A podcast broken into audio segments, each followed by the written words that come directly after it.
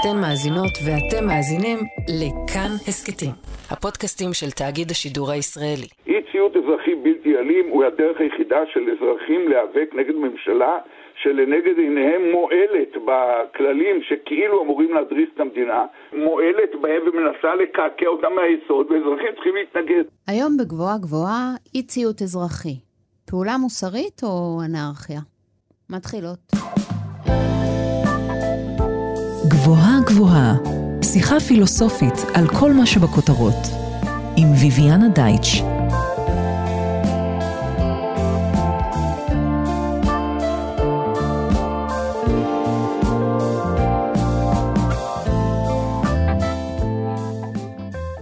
היי, אני ויviana דייטש, אנחנו על גבוהה גבוהה, תוכנית בה מדי שבוע ניקח פיסת מציאות אקטואלית ונפרק לה את הצורה הפילוסופית. ישראל בוערת. בין ההפגנות וגלי המחאה, אנחנו שומעות גם קריאות לסרבנות, לא לציית לרשויות החוק. מימין, חבר כנסת רוטמן, יושב ראש ועדת החוקה, חוק ומשפט בכנסת, אמר שהוא לא יודע אם צריך לציית לכל פסק דין של בית המשפט העליון. האם צריך לציית לכל פסק דין? לא יודע. מה? האם צריך לציית לכל פסק דין של בית המשפט העליון? כן? בוודאי. גם, כן, בוודאי. גם אם. בפסק, גם אם יהיה כתוב בפסק הדין להרוג את כל הג'ינג'ים? ברצינות. לא, אז זה בדיוק ברצינות. משמאל, איש האקדמיה, פרופסור דוד אנוך, קרא לנשיא ולעובדי מדינה לסרב לקחת חלק בהפיכה לטענתו. פרופסור אנוך גם יהיה האורח שלנו היום. נברר איתו מהן ההצדקות המוסריות לסוגיות של אי ציות, סרבנות ומרי אזרחי. ונשאל איך ובאילו תנאים זה מוסרי להתנגד לחוק במסגרת דמוקרטית. פרופסור אנוך חוקר פילוסופיה פוליטית, פילוסופיה של המוסר ופילוסופיה של המשפט בפקולטה למשפטים והחוג לפילוסופיה באוניברסיטה העברית בירושלים. שלום דוד. שלום, תודה על הזמן. סרבנות ואי ציות הם חלק מהמשחק הדמוקרטי? אני אוהב לחשוב על זה אה, במונחי ההקבלה הבאה. במשחקי כדורגל למשל, וגם בענפי ספורט אחרים, בואו נתרכז רגע בכדורגל, יש עבירות. כל עבירה היא כמובן בניגוד לכללים, זה מה שהופך אותה לעבירה. אבל בכל זאת, כל מי שמשחק או משחקת, או צופים, ודאי שופטים, יודעים להבחין בין עבירות לגיטימיות ועבירות לא לגיטימיות. יש עבירות שהן אומנם עבירות על הכללים, אבל לגמרי הן חלק מהמשחק בכדורגל. ולעומת זאת יש עבירות שהן מסכנות מישהו, שהן אה, לחלוטין, שהן נתפסות כמשהו שהוא חורג באופן הרבה יותר עמוק ממשחק הכדורגל.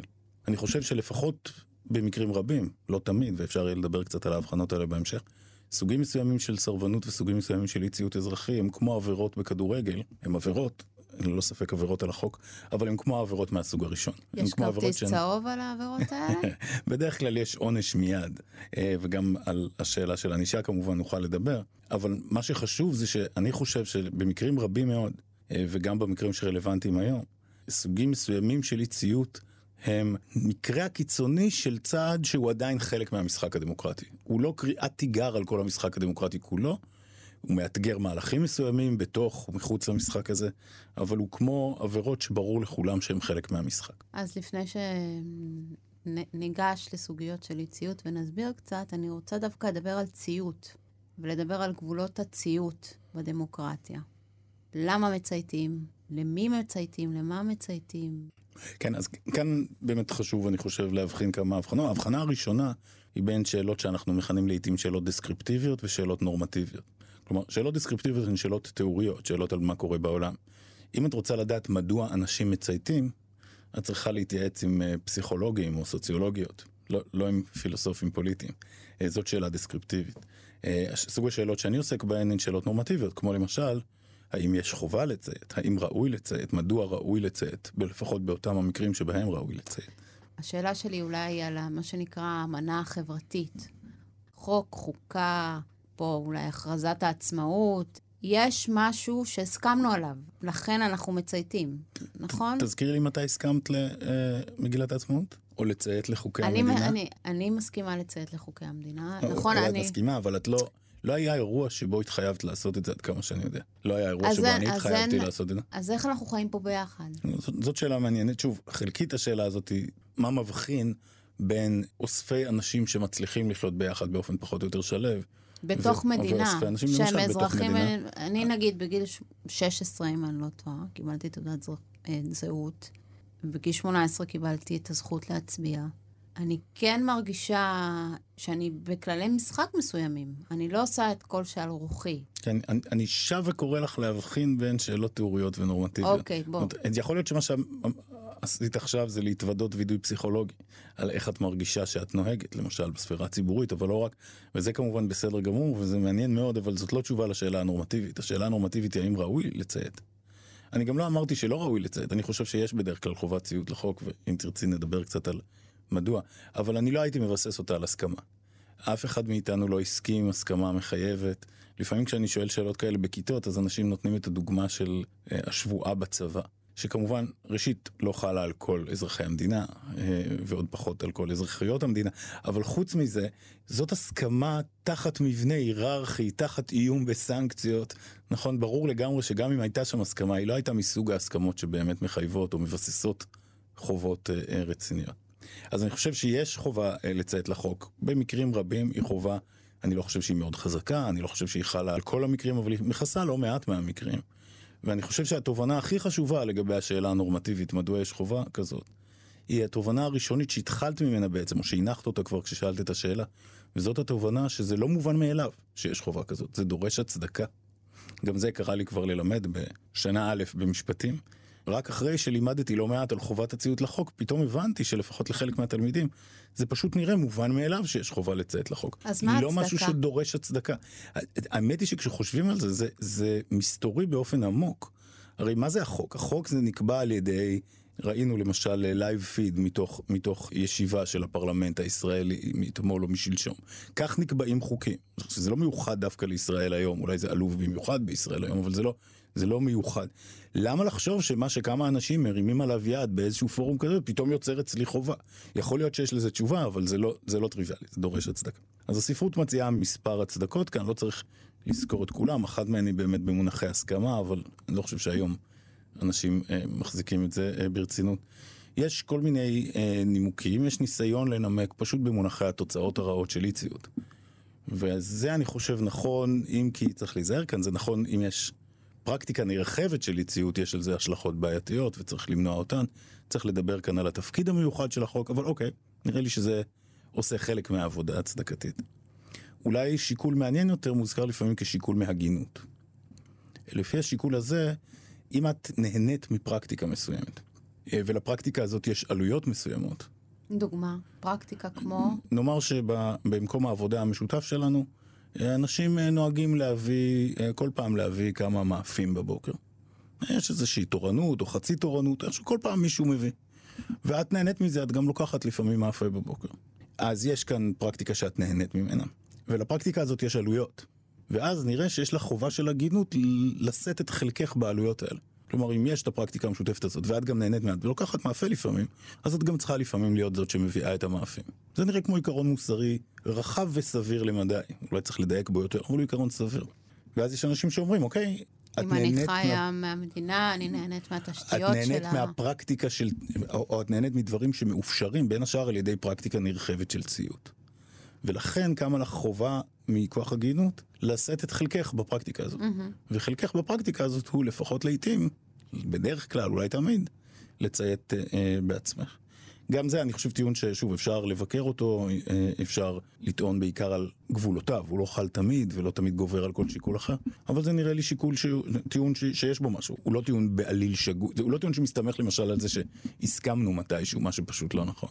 אז יש הגינות, יש אה, הסכמה, וברמה יש הזאת... טיעון הסכמה, יש טיעון מתוצאות אה, רעות אה, של טיעון. אי-ציות ש- שהזכרנו כבר. יש עוד, את יודעת, גם פילוסופים צריכים לקבל קביעות, יש עוד טיעונים בספרות, אבל אני חושב שאלה בוודאי היום המרכזיים, כן.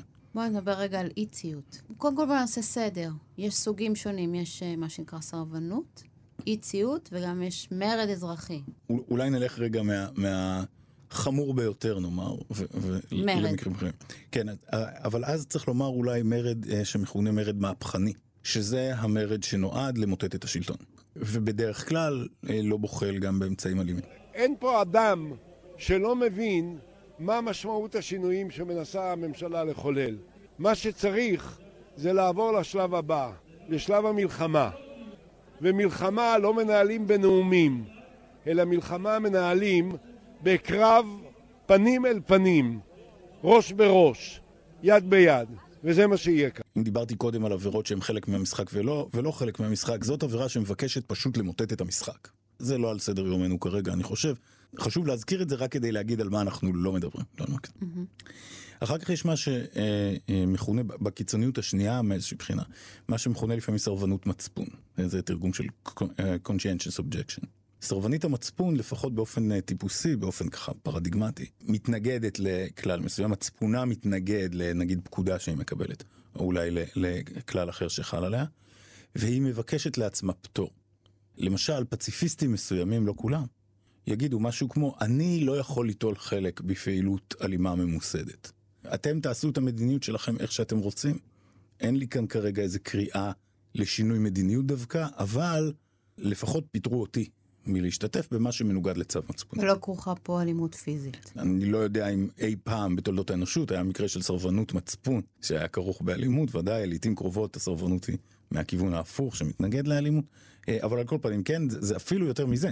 יש מובן שבו לעיתים קרובות היא מוצגת כלא פוליטית. לא רק כי היא לא מפלגתית, אלא כי יש בה משהו מאוד אישי. בעצם סרבן המצפון אומר, אני, אני לא יכול. אז זה בצד השני. באמצע יש את המקרים שלדעתי הם כמעט כל המקרים המעניינים. ואלה המקרים שמכונים לפעמים מרי אזרחי, לדעתי זה לא מונח טוב, קרוב מדי למרי המהפכני. אה, מונח מדויק יותר, גם תרגום מדויק יותר של המונח באנגלית, civil disobedience, יהיה המונח אה, אי ציות אזרחי. וזה המונח שאני אה, בדרך כלל מדבר עליו. אלים הוא הדרך היחידה של אזרחים להיאבק נגד ממשלה שלנגד עיניהם מועלת בכללים שכאילו אמורים להדריס את המדינה, מועלת בהם ומנסה לקעקע אותם מהיסוד, ואזרחים צריכים להתנגד.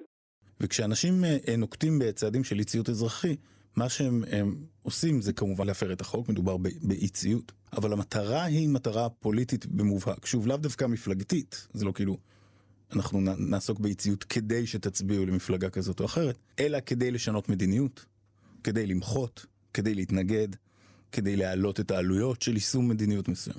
סרבנות מצפון, נגיד מישהו מסרב לשרת בצבא, אם הוא עושה זאת מטעמי פציפיזם, אז הוא סרבן מצפון, ואם הוא עושה את זה כי זו עמדתו הפוליטית ביחס למדיניות מסוימה. ישראל בשטחים, אז זה אי ציות? בקירוב טוב זה נכון. וכך אגב, זאת גם עמדתה הרשמית של מדינת ישראל, גם במה שמכונה ועדת המצפון של הצבא. שמה? מדינת ישראל מהבחינה הזאת לא באופן מאוד שונה ממדינות אחרות, לפחות רשמית מוכנה להיות סובלנית כלפי סרבנות מצפון. אבל היא לא מוכנה להיות אה, סובלנית באופן דומה כלפי מי שמסרב מטעמים יותר פוליטיים ונוקט באי ציות אזרחי. אם אני נוקטת באי ציות, אני אקבל יהיה עונש, המדינה תעניש אותי, ובסרבנות המדינה תכיל?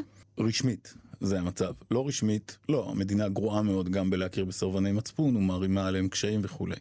אבל כן, רשמית המדינה חושבת על אה, הזכות לחופש מצפון כזכות חוקתית שחלה גם על אה, מי שמסרב לשרת מטעמי מצפון, אה, ואז יש הבחנה אחרת שהיא לא זהה, אבל שמנסים להקפיד עליה גם משפטית, זאת הבחנה בין סרבנות גלובלית וסרבנות סלקטיבית. סרבנות גלובלית תהיה סרבנות ליטול חלק כלשהו בפעילויות של צבא, כי את פציפיסטית נאמר, לעומת אה, סרבנות סלקטיבית שתגיד, אני מתנגדת למשימות שכרוכות בכיבוש, ולכן אני לא. אה, אבל רציתי אה, לומר שוב, יש כאן מורכבות מסוימת, כי אני חייב לומר, אני סירבתי לפני שנים במילואים לשרת בשטחים, ולא אני, ועד כמה שאני יודע, לא אף סרבן אחר שאי פעם יצא לי לדבר איתו, לא עונה בדיוק להגדרה של סרבן מצפון קלאסי. אני לא ביקשתי שיתחשבו בנפשי הרכה. אה, ושיאפשרו לי לא לעשות את זה, אבל אם אתם רוצים להמשיך בכיבוש אז בסדר. זה נכון שהמצפון שלי התמרד כנגד המשימות שהתבקשתי אה, לבצע, שהתבקשתי, הורו לי לבצע. אבל אה, מה שהמקרה שלי, כמו גם, שוב, אני חושב, במקרה של כמעט כל סרבן אחר מראה, זה שההבחנה בין סרבנות מצפון לבין אי ציות מטעמים פוליטיים או מטעמים סלקטיביים לפקודות מסוימות. ההבחנה הזאת היא לא הבחנה מספיק חדה ויש לא מעט מקרים שהם גם וגם. אני חושב שהסירוב שלי היה בו זמנית סירוב מצפוני, משום שאכן מה שהורו לי לעשות היה מנוגד לצו מצפוני. אבל גם היה מקרה של התנגדות פוליטית למדיניות הכיבוש. וניסיון באמצעות הסירוב שלי להעלות את העלויות שלה ואולי לה, לקדם את הסיכוי לקיצה. אז אני, אני חושב שהמקרה הזה, זה, אנחנו קוראים לזה לפעמים מקרה של over determination, אותו דבר נמצא בשתי קטגוריות. אני מונע גם מהניסיון להגן על מצפוני מפני הפגיעה הקשה בו, אבל גם מה, מהמטרה הפוליטית למחות כנגד הכיבוש ואולי להביא לקיצה. לי יש תחושה שגם האי ציות ומה שקראת לו מרד אזרחי... אי ציות אזרחי.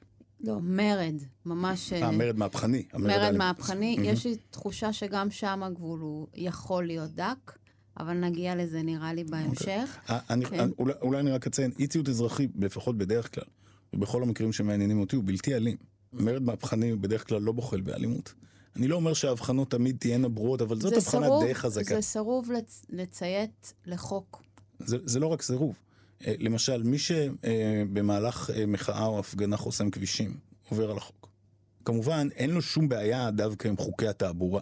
נכון? הוא, הוא עובר על החוק באופן הזה, משום שהוא חושב שזה יהיה האופן שיהיה אפקטיבי, נגיד, אה, מחאתית, פובליציסטית, זה צד של ביטוי. או אולי כי זה מה שיהיה אפקטיבי מבחינת להכאיב לרשויות השלטון, או, או משהו מהסוג הזה. אז זאת עוד הבחנה שלפעמים משתמשים בה. מי שמסרב מצפונית, מסרב לדבר שמצפונו לא מאפשר לו לעשות. אז אתה אומר שזה... לעומת זאת, מי שעוסק באי ציות אזרחי, החוק שהוא מפר לאו דווקא קשור למש... למדיניות שהוא מתנגד לה. הוא מפר איזשהו חוק כחלק מאמצעי מחאה וביטוי. אז זה המשך לחופש הביטוי באיזושהי דרך? אני חושב שלעיתים קרובות זה ממש מקרה פרטי של ביטוי.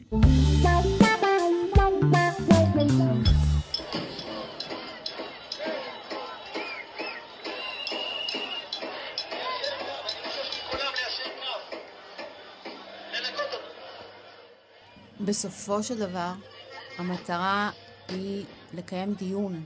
כי בכל זאת, מצב נתון, אנחנו חיים פה ביחד. איזה שהם כללי משחק צריכים להיות. אני לא כל כך מבינה את ההבחנה הזאת בין אה, עבירות שהן לגיטימיות והן חלק מהמשחק, לעבירות שהן אה, לא לגיטימיות וכרטיס אדום לצורך העניין. איך זה חלק מהמשחק? אני חוזר לנקודה שהיא הזכרנו כבר קודם, וזה ראשית, עצם הציות הוא לא מובן מאליו. חובת ציות דורשת הצדקה.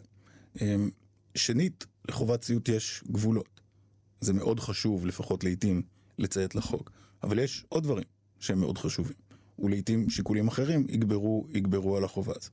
עכשיו אפשר לחשוב על מי שלא מציית, או בסתם אופן עברייני רגיל כדי לקדם את האינטרסים הכלכליים שלו או משהו כזה. זאת בעיה, אבל בעיה מסוג אחד. או שאפשר לחשוב על מי שלא מציית מתוך מטרה לערער את המערכת ממש. למשל כחלק ממרד מהפכני. אבל אפשר לחשוב על מי שלמשל המטרה שלו היא באמת מטרה של ביטוי. את אמרת ביטוי נעשה במסגרת הכללים המוסכמים לצורך דיון, אבל יש חשיבות לפעמים לצעקה. לפעמים למשל, ייתכן שמיעוט מסוים מרגיש שהדיבור שלו הוא דיבור נשמע. אל הקיר. אין כן. מי ששומע. אבל כשאז הם יורדים לאיילון וחוסמים, פתאום מישהו שומע. עדיין יכול להיות שזה לא בסדר, ב... תלוי בפרטים, ועדיין יכול להיות שיש להעניש אותם, תלוי בפרטים. אבל אי אפשר להתעלם מזה שהצעד הזה הוא בראש ובראשונה צעד של ביטוי. ושנית, שהוא צעד של ביטוי שהוא מבחינה מהותית חלק מהמשחק הדמוקרטי. אף אחד כאן לא חושב שצריך להחליף את המשחק הדמוקרטי. מה שהאנשים האלה חושבים זה שיש איזשהו עיוות ביישום של המשחק הדמוקרטי, שאותו צריך לתקן, למשל באמצעות הסבה של תשומת הלב לסוגיה שעד היום לא, לא, לא נדונה ברצינות. כן, אז למשל כשדובר על הפגנות הנכים, או על חלק מהמחאות של יוצאי אתיופיה, נראה לי ברור שזאת הייתה הקריאה הנכונה שלהם. אף אחד מהם לא ביקש למוטט את המערכת, גם על זה אפשר לדבר, אבל לא, זאת לא הייתה הדרישה. הדרישה הייתה, כן, יש לנו חופש ביטוי, כשאנחנו כותבים מאמרים בהארץ, אף אחד לא קורא, אבל פתאום ירדנו לכביש ופתאום קיבלנו כותרות אחרות והוקמה ועדה. התקדמנו. אוקיי? אבל שוב, הוקמה ועדה. הוועדה היא חלק מהמשחק הדמוקרטי. זה לא שיש כאן משהו שחורג מהמשחק, זה משהו שאמור להזין את המשחק באופנים מעט, אה, מעט שונים. אתיקה של אי ציות מתבססת על ההנחה שיש לנו אוטונומיה כאזרחים? כן, הדיבור על ערך של אוטונומיה בהקשר, בהקשרים כאלה, הוא, אה, אני חושב, אה, דיבור על ערך מרכזי במחשבה ליברלית. אה, והוא המחשבה אה, שיש מובן שבו כל אחד מאיתנו מעצב את סיפור חייו או סיפור חייה בעצמו. ויתרה מזאת שיש בכך ערך. יש ערך בכך שאת לא סתם מין עלה נידף ברוח שהיא נסיבות חייך, אלא שיש לך איזשהו כוח מנווט עצמאי כזה, שאת נוטלת חלק בעיצוב חייך, בבחירת הבחירות המרכזיות של קריירה, של בן או בת זוג, של תחביבים, של עיסוקים אחרים, של עיצוב של עמדות פוליטיות, כן, דברים מהסוג הזה. זה הערך של אוטונומיה באופן uh, כללי. אני לא חושב שהערך של אוטונומיה רלוונטי אם את עכשיו שואלת את עצמך האם לסרב, או האם לא לציית, או האם כן לציית. לפחות הוא לא רלוונטי באופן ישיר. איך לא? משום שכשאת שואלת את השאלה, אה, נאמר שאת מקבלת פקודה לשרת במרכזי אוכלוסין בשטחים.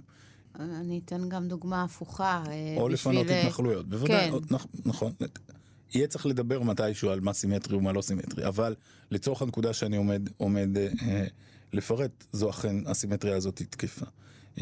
כשאת אה, אה, נדרשת לבצע פקודה כזאת ואת תוהה האם לסרב לה, אה, התהיות שלך לא אמורות להיות לגבי האוטונומיה שלך, הן אמורות להיות למשל לגבי השאלה האם הפלסטינים בשטחים או מי שמפונה מהתנחלות מופרות זכויותיו באופן מספיק חמור עד שמן הראוי לא לצאת. אבל הערך של אוטונומיה נכנס לעיתים קרובות בשאלה קרובה, וזאת השאלה כיצד על המדינה לנהוג בך משעה שהפרת את החוק. בי או ב... בכל מי שהפר, במי שהפר חוק, אוקיי. או בדרך של סרבנות מצפון או בדרך של אי-ציות אזרחי. האופן שבו, כפי שהזכרתי קודם, מדינות, לפחות מבחינה רשמית, נוהגות להיות סובלניות כלפי סרבני מצפון, הוא בדיוק סביב הערך של אוטונומיה. הערך של אוטונומיה הוא ערך חשוב, מרכזי במחשבה ליברלית. חופש מצפון הוא חלק מרכזי באוטונומיה. כלומר, השאלה היא בעצם עד כמה מאפשרים לי לממש את הדבר. נכון, עד כמה מאפשרים לך להיות הסופרת של סיפור חייך, זאת המטאפורה שמשתמשים בה לעיתים. ממש ליברליות כן, uh, ואז. והמחשבה היא, אם אני דורש ממך, תחת איומים בענישה, לפעול באופנים שמנוגדים לצו מצפונך, זאת פגיעה אנושה ביכולת שלך להיות הסופרת של סיפור חייך. אז הערך של אוטונומיה לא נכנס כחלק מהשיקולים שלך, של מה לעשות, אבל כן נכנס כחלק מהשיקולים של המדינה, איך לנהוג בך משעה שהפר. אני חושב שברור שהערך של אוטונומיה חל גם, ורלוונטי גם למקרים רבים של אי ציות אזרחי שאינם סרבנות מצפון. מי שמבקש לצעוק מדם ליבו אה, על אה, הפרות מסוימות, על אה, בעיות אחרות, על אפליה, ועושה את זה בדרך של למשל חסימת כביש, או בדרכים אחרות שהן לא חוקיות אבל לא אלימות, כן, לא חוקיות קטנן יחסית. מי שעושה את זה, ברור שהוא מממש את האוטונומיה שלו. ולכן ברור שהאופן שבו המדינה צריכה לנהוג באנשים כאלה, צריכה להיות רגישה לכך שהערך של אוטונומיה הוא רלוונטי כאן. זה עוד לא אומר שצריך להכיל כל מקרה כזה, זה תלוי בעוד שיקול.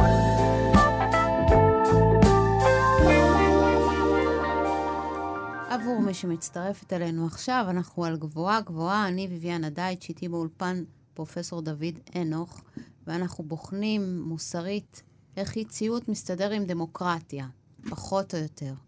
אני שמעתי בדברים שלך שהמוסר קודם לחוק. כלומר, יש משהו שאני אציית אם הדבר הוא מוסרי, וזה בלי קשר לחוק. החוק צריך להיות כפוף לאיזשהו מוסר. אז ראשית, ברור שהחוק צריך להיות כפוף למוסר במובן זה שמי שמעצב את החוק, חברת כנסת נגיד, או, או, או שופט וכולי, הם צריכים להיות, אה, אה, לנסות לעצב את החוק באופן מוסרי, זה נראה ברור. אבל יותר מזה, מנקודת המבט של אזרח שצריך להחליט האם לציית או לא, אז התשובה היא אה, ודאי שהמוסר, אני חושב שזה אמור להיות קונצנזואלי בין כולם, כלומר, אני לא חושב שיש מישהו שברצינות טוען שלא משנה מה התוכן של חוק, מרגע שהוא חוק ראוי לציית לו. ברור שלא, ברור שיש מקרים שבהם ראוי להפר את החוק. זאת נראית לי נקודת הפתיחה המובנת מאליה של הדיון. לא שיש חובה. נקודת הפתיחה המובנת מאליה היא שאם יש חובה, היא לא מוחלטת. זה מה שצריך להיות אה, ברור. זה עוד לא אומר שאין מקרים שבהם החוק משנה מבחינה מוסרית, ואולי אפילו גורם לזה שמשהו שהייתי לא אמור לעשות, אלמלא החוק אמר, משעה שהחוק אומר, אני עכשיו צריך לעשות. בהחלט ייתכן. אבל כן, אנחנו אמורים להעביר בשבט ביקורתנו המוסרי כל דבר חקיקה, כי ברור שעצם זה שמשהו הופך להיות חוק, זה לא איזה מין קסם מוסרי כזה שפתאום ברור שחובה, שחובה לציית לו. לא, יש מקרים שבהם אסור לציית לדברים גם אם הם חוקים. זה נראה לי ברור. אבל מה קורה כשהמקרה שלי והמקרה שלך הם שונים? אז תהיה מחלוקת, אבל אוקיי, יש מחלוקות. זה לא אומר שאי אפשר להכריע בהן, ראשית אינטלקטואלית, יכול להיות ש...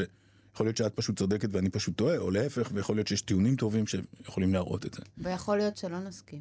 אני לא אמרתי שום דבר על הסכמה, לעת עתה רק אמרתי שיכול להיות שאת צודקת ואני טועה, או להפך, לא אמרתי שגם בקלות אפשר יהיה להגיע, אה, להראות את זה. לא יהיה קונצנזוס. יכול להיות שאין צודק, בוא נגיד ככה. זאת שאלה אחרת. ראשית חוכמה כאן היא לראות שהשאלות הן שונות. זה דבר אחד לומר, יכול להיות שלא נגיע להסכמה. זאת טענה סוציולוגית שנראית לי סבירה מאוד. דבר שני זה לומר יכול להיות שאין כאן תשובה נכונה. זאת טענה, אנחנו קוראים לה לפעמים מטה-אתית, כן, אודות המוסר, והיא נראית לי, אה, אה, לפחות במקרים רבים מאוד, אה, בבירור, אה, בבירור אה, שקרית. אני אתן לך דוגמה שאני מתנצל, אני לא זוכר, קראתי אותה באיזשהו מאמר מזמן, ואני לא זוכר את שם, נדמה לי כותבת. אני חושב שזה היה אפילו בעיתון שלא קיים יותר. אבל הדוגמה הייתה הדוגמה הבאה, תניחי רגע שני מקרים שבהם חייל שמחזיק בשבוי מקבל פקודה. במקרה הראשון החייל מקבל פקודה למנוע מים מהשבוי, והוא מסרב לה ונותן לשבוי בכל זאת לשתות מתישהו. במקרה השני החייל מקבל פקודה לדאוג למספיק מים לשבוי, והוא מסרב לה ודואג שלא יהיו מים לשבוי. עכשיו, יש מובן שבו יש כאן איזושהי סימטריה, נכון? בשני המקרים ניתנה פקודה, בשני המקרים אנחנו יכולים להניח החייל יתנגד לה מאוד, כן, במקרה הראשון הוא התנגד ליחס לשבויים שלא מאפשר להם לשתות, במקרה השני הוא התנגד ליחס הומניטרי לשבויים, אולי כי הוא כועס על השבוי הספציפי או על היחידה הצבאית הזאת או, או משהו מהסוג הזה. במובן הזה של שני חיילים שהם לא מסכימים ביניהם, שיש מחלוקת, במובן הזה יש סימטריה. אבל ברור לנו לגמרי שיש הבדל מאוד חשוב. ההבדל מאוד חשוב נובע לא מאיזה משהו שהוא לא תלוי בתוכן כאן, אלא מזה שראוי לתת מים לשבויים, גם לשבויים ראוי לתת מים. ההבדל הזה מראה שהראשון צודק והשני טועה, יש כאן עובדה מאוד ברורה. זה עוד לא אומר שסוציולוגית אני עוד לא בטוח ביכולת שלי לשכנע את החייל השני שהוא טעה. זאת שאלה אחרת. אבל אנחנו צריכים מאוד לא, לא להתבלבל מהחשש הלעיתים קרובות מוצדק, שלא נצליח לשכנע את כולם. זה לא אומר שאין כאן אמת, או שאנחנו לא יכולים לדעת אותה, או שאנחנו לא יכולים להיות בטוחים בה. אתה אומר שיש מקרים שבהם המוסר הוא אחד, אין פה שאלה.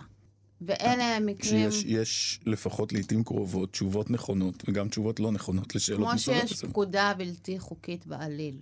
המונח פקודה בלתי חוקית בעליל הוא ראשית מונח משפטי, נכון? אז צריך... אם, אם רוצים לדון בו מספיק, צריך לראות מה, מה הוא אומר בהקשר המשפטי. אבל מה שאני כן חושב שחשוב לציין כאן, זה שאומנם מדובר במונח משפטי, ואומנם מקום שבו יש, אה, אם את כחיילת מקבלת פקודה בלתי חוקית בעליל, אז אה, במקרים מסוימים יש לך חובה משפטית לסרב לה. קיבלת פקודה, אפילו משפטית, לא רק מוסרית. אבל בכל זאת... כלומר, אני אענש, לא... אם תצייתי לה, את עלולה להיענש אם תצייתי, נכון. כן. בכל זאת, ה, לפחות הפסק הדין המאוד ידוע בפרשת כפר קאסם, עם הרטוריקה של הדגל השחור וכולי, כשהם נדרשים לנסות לתת מבחן יותר ברור למה זה פקודה בלתי חוקית בעליל, הם בעצם נותנים מבחן מוסרי. אה, זה המבחן הזה שכן, כל מי ש... ליבו אינו אטום, לא יוכל שלא לראות את, ה, את הדגל השחור הזה שמתנוסס מעל, אה, מעל הפקודה. אה, כלומר, ברור שגם כשהמשפט צריך להגיד מתי ראוי לסרב לפקודה, הוא מפנה למוסר. אין, אין ברירה אחרת. צריך להיות ברור. לכל אדם צריך להיות ברור שיש דברים שלא עושים, גם אם החוק דורש לעשותם. ברור לכולם, הרג ופגיעה בחפים מפשע הם אסורים בתכלית האיסור, הם חייבים להישאר מעל לכל מחלוקת פוליטית. אני מרכין את ראשי בפני זיכרון 49 ההרוגים ובפני תושבי כפר קאסם לדורותיהם ומבקש בשמי ובשם מדינת ישראל סליחה. אז מתי ציות תהיה מוצדק ברמה המוסרית? אז זאת השאלה באמת אה, קשה ומעניינת. אני רוצה רק אה, להז... מיד אני אעשה כמיטב יכולתי לענות. אני רק רוצה להזכיר שהמקרים שאיכשהו יצא שנגררנו אליהם, אה, המקרים של אה, להחליט אם כן או לא לציית לפקודה בצבא, הם כמובן מקרים מרכזיים, אבל הם דווקא המקרים הפחות רלוונטיים, לפחות לגבי רובנו. כרגע אה, מדובר, רובנו לא מקבלים פקודות בהתאם ל... so called רפורמה המשפטית, כן? אין לנו לא, אפשרות כזאת. לא, אנחנו כיום מבקשים... אבל אנחנו יכולים להתנגד בכל מיני דרכים, כולל בדרכים לא חוקיות. אז כן, מתי זה מוצדק לא לציית? כן. ברמה המוסרית. כן, כן. אני לא חושב שפילוסופים של מוסר יכולים במקרים רבים לתת כללים אה, ברורים ומדויקים. אבל אנחנו די טובים בלהצביע על השיקולים הרלוונטיים. אז הנה מספר שיקולים שנראים לי רלוונטיים. ראשית, כמובן, כמעט אף פעם אלימות לא תהיה מוצדקת. יש, יש פעולות שגם אם את יכולה להשיג איזה הישג פוליטי באמצעותן, אה, כן, אבל זה לא מצדיק לפגוע במישהו חף מפשע.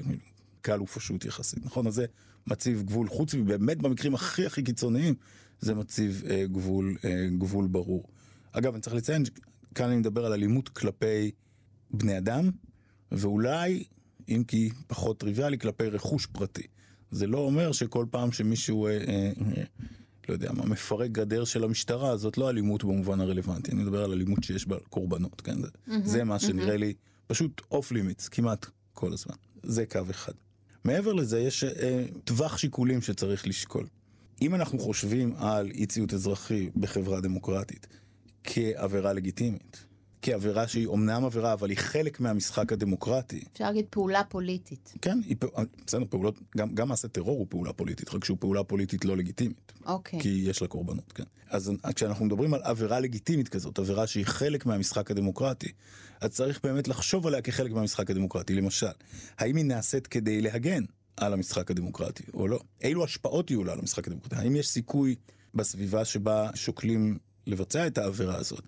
האם יש סיכוי שהיא תביא לתגובות נגד כל כך חזקות? האם יש סיכוי שלאורך זמן היא תחזק את הדמוקרטיה או דווקא תחליש אותה? כשאנחנו חושבים על אי-ציות כחלק מהמשחק הדמוקרטי, השאלות האלה הופכות להיות מרכזיות כמובן.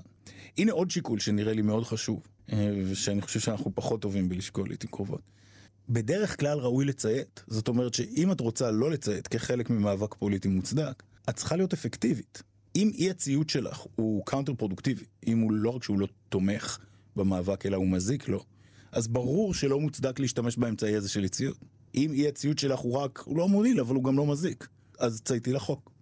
צריך שאי ציות, שאנחנו כמובן לפעמים טועים, אי אפשר להיות, אין כאן ודאות, אבל צריך לפחות סיכוי משמעותי שהאי ציות יהיה מועיל, כדי להצדיק צעד שהוא בכל זאת עבירה. אפילו אם הוא עבירה שאגב, לגיטימית. שאגב, משלמים עליה מחיר. וגם זה נראה לי שיקול לגיטימי. כלומר, צריך לשקול גם את זה. צריך לשקול את זה ראשית כי אכפת לנו מאנשים, ולכן אכפת לנו גם מהמחירים שהם ישלמו. אבל צריך לשקול את זה גם כחלק מאסטרטגיה של מאבק ארוך טווח. אתה צריך לדאוג לא לשחוק את הכוח שלך יותר מדי. אז אתה לא רוצה לבזבז את מספר הימים במעצר שאנשים מוכנים לשלם בשביל המאבק על שטויות. אתה רוצה להשתמש בהם בנקודות הקריטיות, שבהן זה באמת יכול לעשות הבדל. במילים אחרות, אה, אה, אין איזה משהו קדוש בעצם הרעיון של אי ציות אזרחי. אי ציות אזרחי זה רק אמצעי. ועכשיו צריך לבדוק האם בנסיבות הרלוונטיות הוא אמצעי יעיל יחסית, מועיל, פרודוקטיבי, כן? אה, ואם כן, אז אני חושב שכללי המשחק הדמוקרטי רחבים מכללי החוק. יש מקרים שבהם אפשר להפר את הכללים של החוק, ועדיין זה יהיה כחלק מהמהלך במשחק הדמוקרטי. כשם שיש עבירות לגיטימיות בכדורגל או בכדורסל או בכמעט כל ספורט אחר. מה זה כללי המשחק הדמוקרטי? מאיפה הם רשומים? מה זה... הם לא רשומים. גם כללי... מה הם? גם הכללים האמיתיים של כדורגל לא רשומים. יש את הכללים של פיפ"א, של התאחדות הכדורגל. לפי הכללים האלה כל עבירה היא עבירה. אבל זה ששופטת כדורגל טובה יודעת גם מתי לא לשרוק, זה לא כתוב בשום מקום בכללים של פיפ"א. בכל זאת, ברור שאם את לא יודעת מתי לא לשרוק, את לא שופטת טובה. באופן דומה, גם אני מתה לראות כדורגל אחרי השיחה. בחיי, אני מתה להבין, כי אני... אבל זה נכון, זה נכון בכל, בכל, סתם דוגמה. נכון דוגמה בדמוקרטיה, תן לי דוגמה מתי לא שורקים אוקיי. בדמוקרטיה. אה, למשל, בחלק מההפגנות האחרונות המשטרה אישרה לחסום כבישים. על פניו זה נשמע פרדוקסלי, לחסום כבישים זה כמובן לא חוקי, מה פתאום המשטרה מאשרת את זה? אוקיי, אבל עזבי רגע את האישור, המשטרה יכולה להחליט מה סדרי הקדימויות שלה באכיפת חוק. ונרא... גם מי בוחרת את הקרבות שלה? בווד... איזה שאלה, אין, אין לה יכולת אה, אה, אה, למשטר באופן מלא כל הפרה. ואז נראה ברור שהיא צריכה פחות להקפיד במקרים מסוימים. אי, אילו מקרים למשל? לפני אה, שבוע השתתפתי באיזה מחאה ליד שער של אה, בית ספר שלומד בו בני, והשער הזה נמצא על דרך די ראשית. אז מחינו שם וכל כמה דקות נכנסנו וחסמנו את הכביש. ואחרי כמה דקות שחררנו. זאת הייתה הפגנה של חנונים. ואז אחרי, לא יודע כמה, חצי שעה הגיעה ניידת משטרה עם שני קצינים, ובפעם הראשונה שחסמנו כשהם גם היו שם, הם נבהלו וניסו לפזר וכאלה. וגם אני וגם אחרים ניסינו להסביר להם, והסברנו להם ש... אה, אה, תראו, הפגנה של חנונים, עוד מעט יפתחו וכולי. הם הבינו, והגענו לאיזה מין אה, מודוס ויוונדי כזה, איזה מין, מין עמק שווה, פרגמטי לגמרי, לא משפטית, פרגמטית. ובפעמים הבאות שחסמנו, הם לא שרקו. ומצד שני, אנחנו גם התנהגנו סביר וכולי. ברור לגמרי שלהיכנס לעימות רציני ולהביא עוד שוטר על ההפגנה הזאת היה טעות גדולה. אבל זה לא כתוב באיזשהו מקום בחוק, שזה מה שצריך להפעיל כאן שיקול דעת. שיקול דעת מהסוג הזה. וזה נכון לדעתי לגבי הרבה מאוד מהכללים של המשחק הדמוקרטי. הכללים של המשחק הדמוקרטי אומרים בין השאר שאם יש הפרה שהיא בלתי אלימה, והיא בעיקרה עניין של ביטוי פוליטי, אז אפשר לא לשרוק, לפחות במידה רבה. ואז אם זה מקצין, אם זה הופך אלים, אם כבר אי אפשר לנהל יותר תנועה על הכביש לאורך זמן וכולי, אז לפעמים צריך כן לשרוק. אבל ודאי שיש מקום לשיקול דעת כזה, גם, גם, במקרים, אה, גם במקרים כאלה. אז לשיטתך דמוקרטיה במקרים מסוימים ממש מחייבת אי ציות? אנחנו יכולים להגיד, למשל, את הדבר הבא. כמו שאמרנו קודם, זה שיש חובת ציות לחוק זה אולי נכון, אבל זה לא נכון במובן, כמשהו מובן מאליו, זה דורש הצדקה. באופן דומה, אני חושב, זה שהכרעת רוב בדרך כזאת של כל אחד לכל אחד ולכל אחת, זה שזאת הדרך הנכונה לקבל הכרעות קולקטיביות, זה אולי נכון, אבל זה לא מובן מאליו, זה דורש הצדקה. אז עכשיו אפשר לשאול, מה הם הערכים שעומדים בבסיס ההצדקה של קבלת החלטות דמוקרטיות? זאת שאלה גדולה, זה לא יפתיע אותך לשמוע שלפילוסופים יש תשובות שונות. אבל מה, ש, מה שלי חשוב לומר, זה שחייבים איזושהי תשובה. ומרגע שיש לנו תשובה כזאת, עקרונות או ערכים שמצדיקים את הפרוצדורה הדמוקרטית, אז אנחנו יכולים לחזור לערכים ולעקרונות האלה כדי אה, לבדוק מה עוד נובע מהם. זה נראה לי חשוב מאוד בשלב הנוכחי שבו אנחנו נמצאים בו. עם ההצדקה של דמוקרטיה למשל, ההצדקה של one person one vote, מתבססת על הרעיון של כבוד האדם ושוויון בחלוקה של כוח פוליטי. אם זה מה שמצדיק בכלל פרוצדורה של הכרעת רוב, אז כשהרוב מבקש לקרוא תיגר על כבוד האדם של חלק מבני אדם, ועל השוויון בחלוקה של כוח פוליטי. זה מתחייב מכוח העקרונות הדמוקרטיים עצמם להתנגד לרוב. אתה יודע מה העניין אבל? שאנחנו חיים במדינה יהודית דמוקרטית. אנחנו חיים עם מתח מהיום שהמדינה הזאת הוקמה, כי יש ערכים דמוקרטיים, אבל יש גם את הערכים של המדינה היהודית, ושם לפעמים יש התנגשות, ואז כל הזמן חוקי המשחק, יש מאבק עליהם. יש דיונים רבים על השאלה מה זה אומר יהודית ודמוקרטית, ואם יש סתירה וכולי. אני לא אוהב לשחק את המשחקים האלה. לפחות, לפחות פעם, כשמגילת העצמאות עדיין was a thing, שעדיין התייחסו אליה ברצינות. התקווה הייתה שהדיבור על מדינה יהודית ודמוקרטית הוא לא דיבור על, אה, זה לא כמו הניסיון לאכול ארוחה שהיא גם טעימה וגם בריאה. כשאת מדברת על ארוחה שהיא גם טעימה וגם בריאה, את אומרת, אוקיי, מבחינת כמה היא טעימה... מה הטעימה ומה הבריאה, היהודית, הדמוקרטית? אה, אז אם את רוצה לאכול אוכל שהוא גם טעים וגם בריא, את מבינה ש, שיש קונפליקט. מבחינת טעים, ברור שעוד חמאה וסוכר ומלח היה עוזר, מבחינת בריא זה היה מאוד מפריע, אז צריך אה, לקזז קצת וכולי. זה מודל אחד לחשוב על יהודית ודמוקרטית, נכון? דמוקרטיה מושכת לכיוון אחד, יהדות מושכת לכיוון מנוגד, כן, אבל גם במה שאמרת, אני שמרתי שיש עדיפות של אה, הבריאות, והטעימה הוא רק טיבול לבריאות. אם זה, אם זה המצב אצלך, אז את מאוד שונה ממני, אבל בסדר, לגבי אוכל.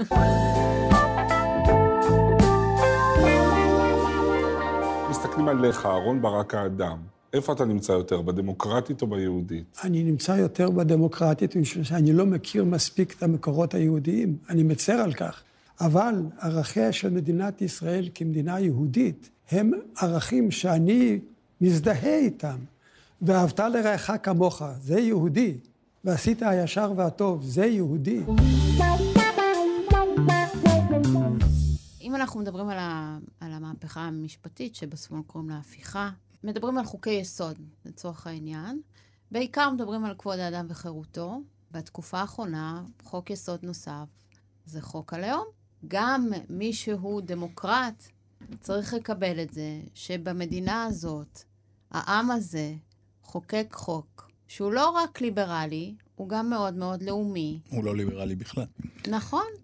ודאי שיש... יש... ופה אנחנו חיים, זה, זה, זה בסופו של דבר. אבל, אבל שנייה, מספר דברים. ראשית, אני חושב שאין שום קשר, כמעט שום קשר, בין ההפיכה הנוכחית לבין הקונפליקט בין יהודית ודמוקרטית. אין שום דבר יהודי בניסיון להבטיח שבתי המשפט לא יהיו עצמאיים.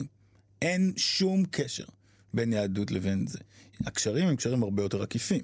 מי שרוצה להבטיח את זה, רוצה להבטיח את זה כדי אחר כך אה, אה, להנהיג אה, מדיניות מפלה עוד יותר כלפי מי שאינם יהודים, והוא לא רוצה שבתי המשפט יתקעו מקלות בגלגליו.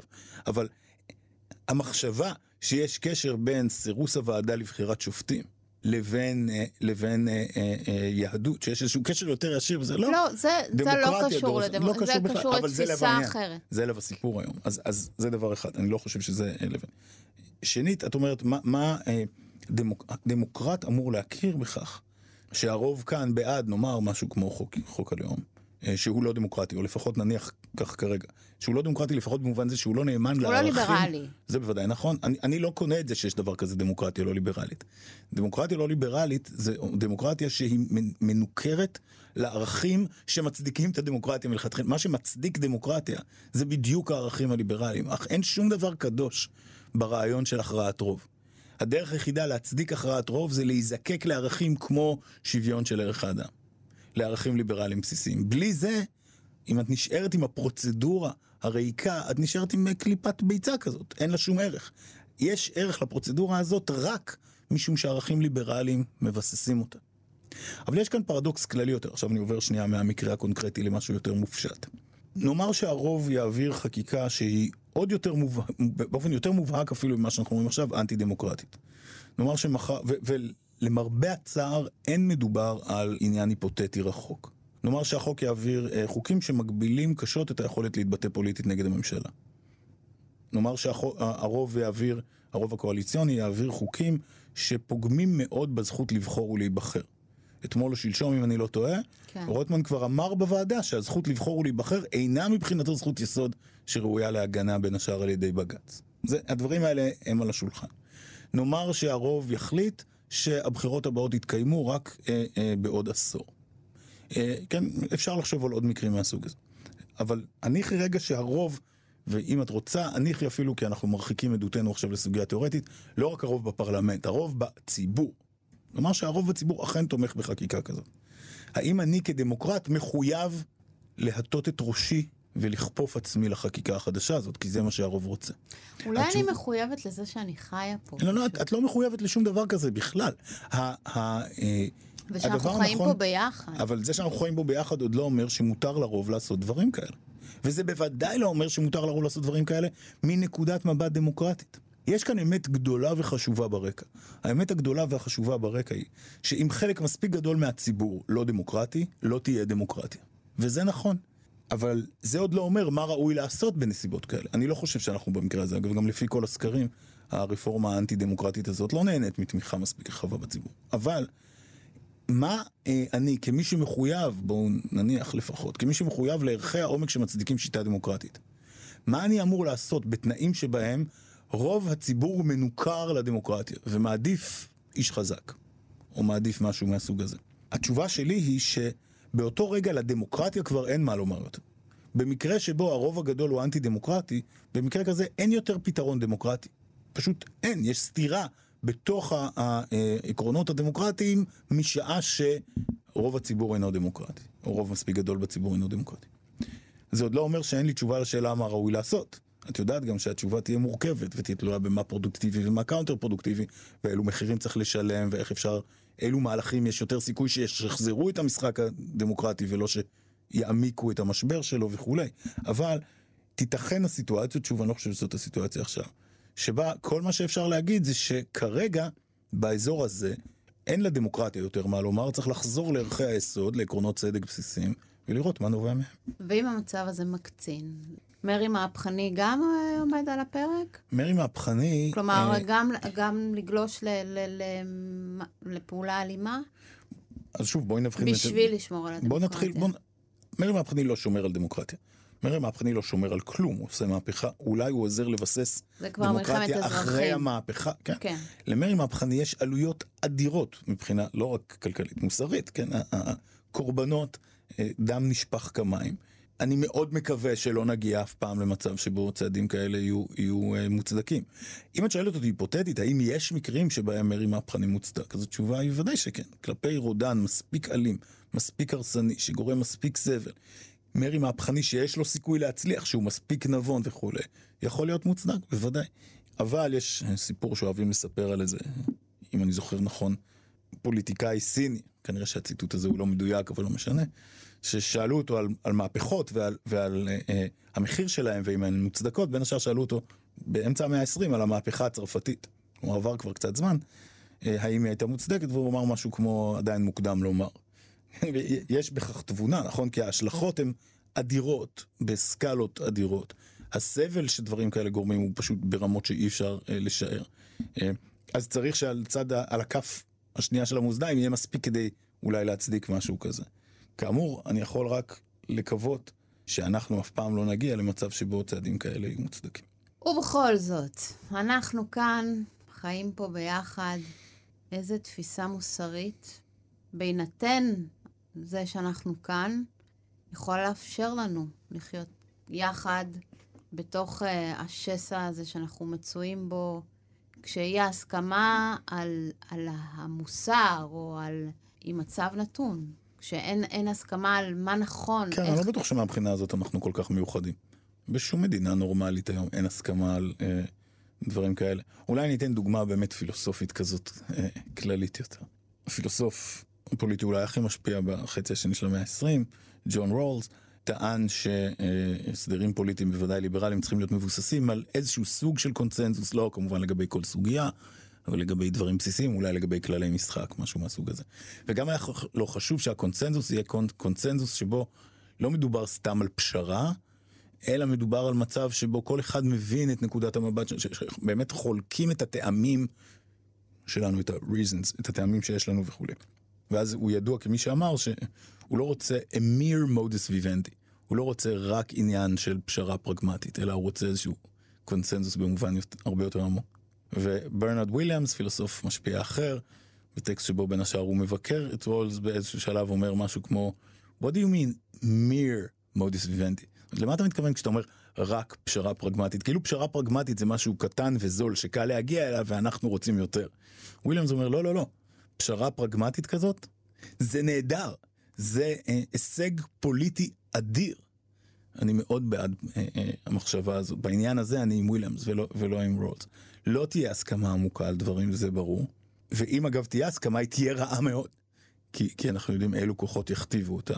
אפשר לקוות לחזור למצב שבו יש סוג של מודוס ויוונדי, סוג של פשרה ליברלית שאפשר לחיות איתה. אני מדבר כרגע על, באופן כללי, לא לגבי הרפורמה שלגביה אני מתנגד לכל הפשרות שמוצעות כרגע, אבל זה, זה עניין אחר. ולטענתך, הדרך להגיע לשם עוברת גם דרך אי ציות. יכולה לעבור, אני מזכיר, אני לא חושב שאי ציות הוא איזה משהו קדוש בעל ערך כשלעצמו.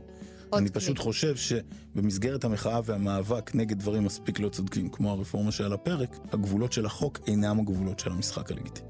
פרופסור דוד אנוך, תודה רבה לך על השיחה הזאת. אני ביביאנה דייטש, תודה רבה גם לשלומי יצחקי, טכנאי השידור שלנו כאן באולפן. את כל הפרקים של גבוהה גבוהה אפשר לשמוע ביישומון או באתר של כאן. ובכל אפליקציה שבה אתן נוהגות ונוהגים להאזין להסכתים. אני מקווה שנהניתם והחכמתן. תודה רבה. אנחנו נשתמע במחשבה הבאה. thank you